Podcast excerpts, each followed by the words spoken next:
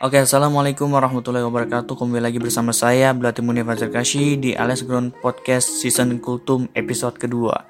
Jadi episode kali ini saya pengen menjawab pertanyaan-pertanyaan kiriman dari teman saya. Jadi episode kali ini saya pengen menjawab beberapa pertanyaan. Sebenarnya banyak banget sih pertanyaan ini. Ada banyak lah pokoknya lah. Cuman ada beberapa doang yang saya bisa jawab gitu. Cuman beberapa doang yang bisa saya jawab. Ya jadi mohon maaf baru saya jawab beberapa aja episode kali ini ya episode kedua ini saya niatnya pengen sama teman saya sih cuman teman saya lagi sibuk kuliah lagi sibuk kerja teman saya lagi apa teman-teman saya lagi sibuk kuliah lagi sibuk kerja ya lagi sibuk lah lagi sibuk banget bar. jadi sebenarnya saya juga sibuk sih jadi saya memutuskan untuk membuat podcast sendiri saya sebenarnya juga sibuk kuliah sih cuman ya saya sempetin aja gitu sempetin dan pertanyaan ini sebenarnya juga udah dari minggu lalu ya. Jadi mohon maaf untuk kalian eh, yang mendengar dan yang memberikan pertanyaan dan mendengarkan podcast ini. Mohon maaf, mohon maaf sekali. Baru saya jawab hari ini karena saya sempatnya hari ini ya, jadi saya jawab hari ini. Oke, jadi kali ini saya pengen menjawab pertanyaan-pertanyaan ya ya insya Allah mudah-mudahan minggu depan saya akan menjawab tuntas sisaan-sisaan pertanyaannya bersama teman saya. Insya Allah mudah-mudahan ya. Semoga teman saya nggak sibuk ya Allah. Mudah-mudahan. Mudah-mudahan teman saya nggak sibuk. Jadi kita langsung saja ke pertanyaan pertama. Pertanyaan pertama dari Harry, apa yang dimaksud dengan Islam? Bismillahirrahmanirrahim, saya akan jawab. Islam adalah agama yang diturunkan oleh Allah Subhanahu wa taala kepada Nabi Muhammad SAW sebagai nabi dan rasul terakhir ya untuk menjadi pedoman hidup seluruh manusia hingga akhir zaman. Islam memiliki beberapa arti. Dalam bahasa Arab, Islam merupakan masdar ya dari kata aslamu, yuslimu dan juga islaman ya yang artinya taat, tunduk, patuh, berserah diri kepada Allah Subhanahu wa taala. Ya, sedangkan uh, arti dari kata asla asalmu, aslama, isalma, salim dan salam itu yang pertama itu adalah asalmu artinya damai. Yang kedua aslama artinya taat. Yang ketiga isalama artinya berserah diri. Yang keempat salim artinya bersih dan suci. Dan salam artinya selamat keselamatan. Oke, pertanyaan pertama itu yang bisa saya jawab. Kita lanjut ke pertanyaan yang kedua. Dari Salsabila, Bismillahirrahmanirrahim. Asef izin bertanya, apakah jika sedang halangan boleh membaca rotib? Oke, Bismillahirrahmanirrahim. Saya akan jawab, boleh. Bolehnya kalau baca rotibnya itu rutin dan niatnya juga bukan untuk membaca Al-Quran, tapi untuk perlindungan ya apalagi kalau dalam keadaan nggak suci itu kan kita nggak bisa baca Quran nggak bisa sholat. Jadi kita perlu baca rotib untuk menjaga diri kita ya untuk para wanita yang berhalangan yang ingin baca rotib silakan baca boleh tapi diniatkan untuk perlindungan bukan untuk membaca Al-Quran ya tapi niatkan untuk perlindungan bukan membaca Al-Quran. Oke kita lanjut ke pertanyaan ketiga. E, dari Raffi misal ada cowok yang fotonya dijadikan bahan fantasi sama cewek. Apa dosanya sama like-nya cewek? Bismillahirrahmanirrahim saya jawab. Masalah ini sangatlah banyak di zaman sekarang ya. Fotonya dijadikan bahan fantasi ya bahan untuk kesenangan senang senangan nafsu. Ini adalah dosa besar ya karena ini termasuk dari zina mata.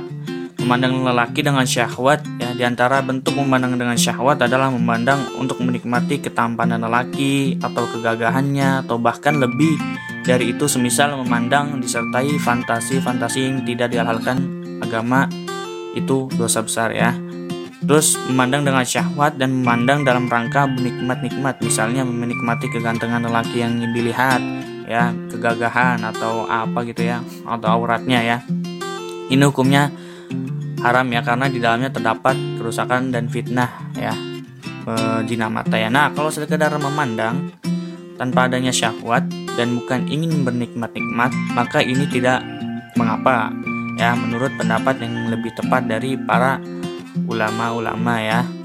Dan untuk dosanya ya sih, kalau dosanya ya tergantung dari lelaki itu fotonya uh, niatnya dia uh, dia membuka aurat atau niatnya untuk menggoda cewek atau ya niat buruk lah dia niatnya buruk atau hanya cuman sekedar foto aja. Kalau misalkan dia niatnya buruk ya dosanya juga sama lahnya kayak cewek ya. Menurut saya pengetahuan saya begitu. Kalau misalkan si lelaki itu cuman apa namanya fotonya cuman ya cuman biasa aja kayak nggak niat buruk atau nggak niat buat godain cewek tersebut ya sih nggak masalah sih menurut saya sih apa nggak nggak nggak dosa tapi yang ngelihatnya yang dosa gitu. Jadi kalau misalkan ya jadi kesimpulannya kalau misalkan cowok itu fotonya sengaja diniatkan buat uh, ngegoda cewek ngegoda apa namanya ngegoda cewek lah ya niatnya buruk lah itu dosanya sama like-nya yang ce apa cewek yang lihat gitu yang lihat foto itu gitu. oke jadi kita lanjut ke pertanyaan berikutnya. Yang keempat dari Sinta. Bismillah, izin bertanya Kak, bagaimana cara menyimbangkan antara kepentingan dunia dan ibadah syukron? Mohon penjelasannya, mohon maaf bila terdapat salah kata. Bismillahirrahmanirrahim, saya akan jawab. Ya, dalam Islam ada larangan kita hanya mengutamakan apa namanya kehidupan akhirat saja tanpa menghiraukan kehidupan di dunia. Begitu juga sebaliknya, kita dilarang, ya hanya untuk mementingkan kehidupan di dunia saja tanpa memikirkan kehidupan di akhirat. Bagaimana cara menyeimbangkan antara kehidupan dunia dan akhirat? Ya, bagi umat Islam yang rajin sholat dan tidak syirik atau menyekutukan Allah, semua amalannya bernilai ibadah. Jadi dia bekerja pun juga dapat dicatat sebagai ibadah. Ya, bekerja juga diniatkan ya Eh, karena Allah Subhanahu wa taala semata-mata hanya untuk Allah Subhanahu wa taala karena Allah Subhanahu wa taala ya bekerja niat semata-mata hanya karena Allah Subhanahu wa taala. Jadi dengan kita bekerja dan niat ibadah ini salah satu cara menyimbangkan kehidupan dunia dan akhirat. Bagaimana bekerja yang dapat dicatat sebagai ibadah? Sebagai bekerjanya sesuai dengan aturan Islam. Misalkan jika berdagang, berdaganglah dengan yang jujur, jangan curang ya. Dan ingat, 5% dari hasil usaha kita adalah hak fakir miskin dan anak yatim. Tunaikan hak mereka dan jika perlu lebihkan agar dapat dicatat sebagai sodakoh. Kita bukan hanya zakat penghasilan saja, agar kehidupan dunia dan akhirat kita seimbang. Jika perlu bagi waktu kita sedemikian hingga antara dunia dan akhirat tidak ada yang berat sebelah. Jika 5 jam untuk urusan dunia, maka 5 jam pula untuk urusan akhirat. Agar lebih memahami agama, kita kaji Al-Quran sedemikian hingga kita dapat memahami isi dari Al-Quran. Ya, Al-Qurannya jangan hanya dibaca saja ya, tapi juga dikaji lagi, dikajinya dengan jangan sendiri, harus dengan guru ya, dikajinya harus dengan guru. Kalau misalkan tidak tahu, kita kita tanya guru, kita tanya ustadz, kita tanya kiai, kita tanya habaib ya, kita tanya orang-orang soleh di sekitar kita. Jangan kita ngelihat YouTube kita ngelihat Google. Nah, karena biasanya tuh Google ya salah. Google biasanya tuh ngawur ya gitu. Ngarang gitu. Jadi kalau misalkan kita bingung soal apa soal apa ya misalkan kita mau nanya nih e, cara berdagang Islami gimana kita tanya ke Ustadz kita tanya ke Kiai kita tanya ke Habaib ya.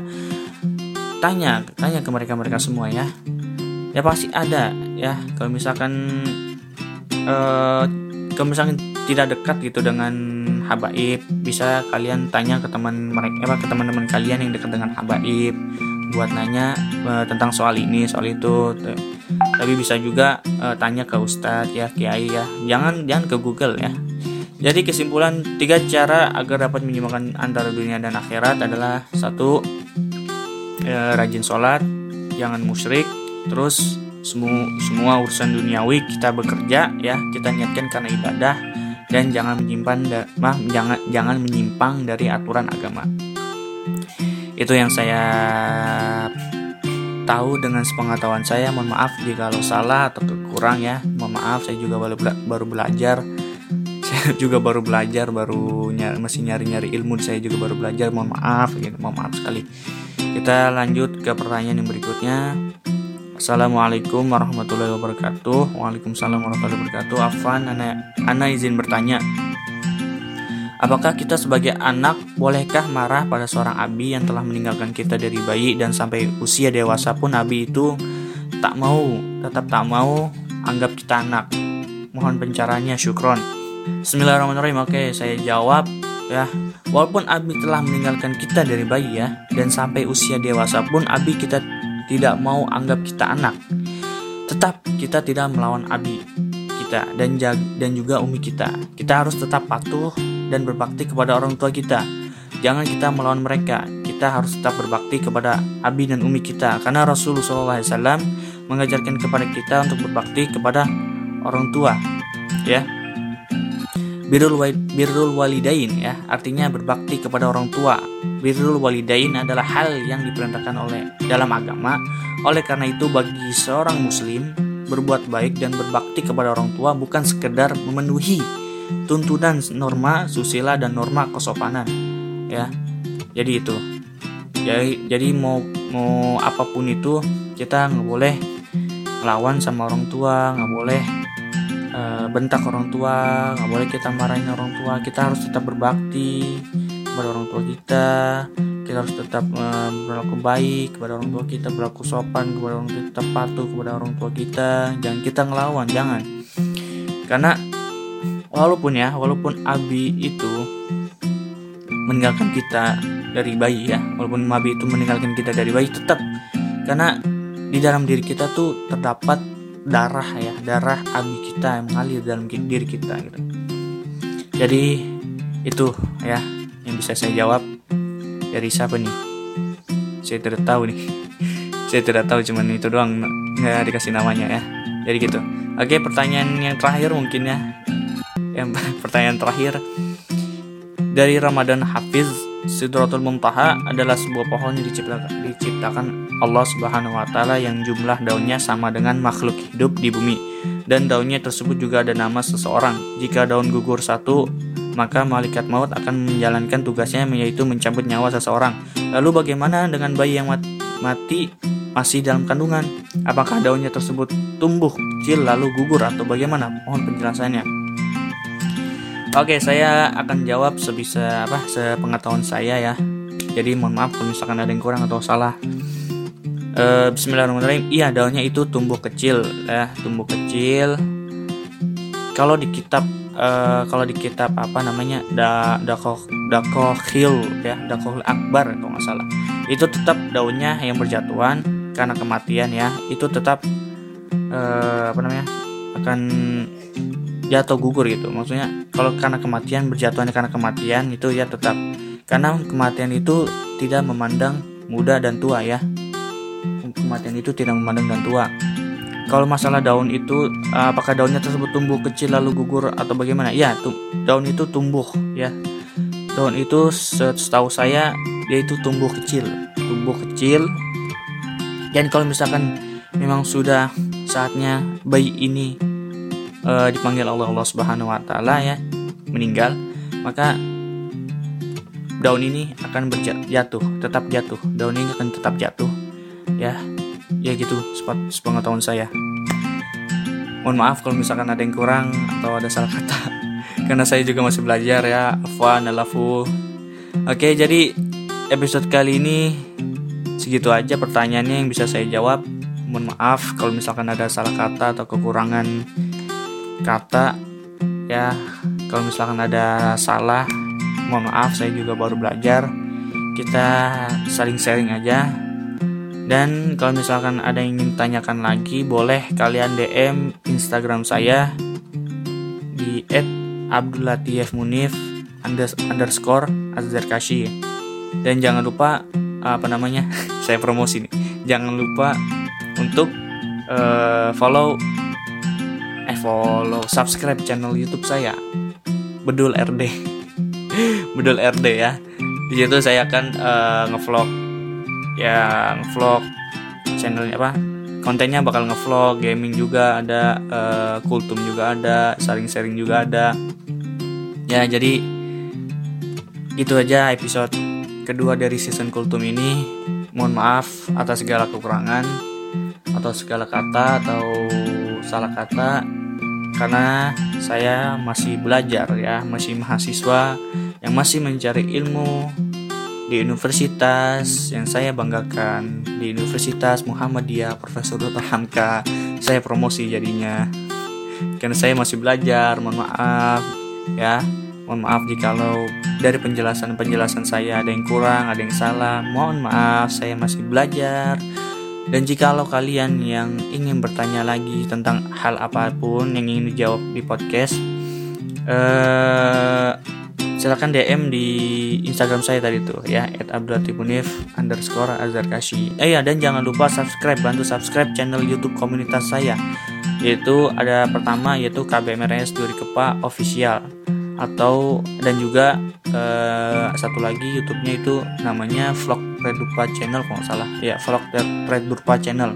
Di situ insya Allah apa namanya channel itu akan berisikan konten-konten eh, yang vlog sehari-harian ya. Vlog santai gitu. Konten-konten yang santai dan konten yang islami ya.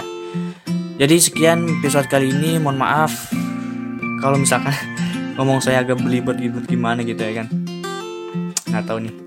Mungkin kurang air oke sekian dari podcast season kultum episode kedua saya Abdullah Munifat Kasih undur diri Terima kasih untuk kalian para podcast, para pendengar podcast di mana pun kalian berada. Semoga ada, semoga kalian dalam keadaan sehat walafiat ya dan panjang umur dan sehat selalu dan semoga kita semua selalu dijaga apa selalu dalam lindungan Allah Subhanahu wa taala dan selalu jaga oleh Allah Subhanahu wa taala. Sekian. Wassalamualaikum warahmatullahi wabarakatuh.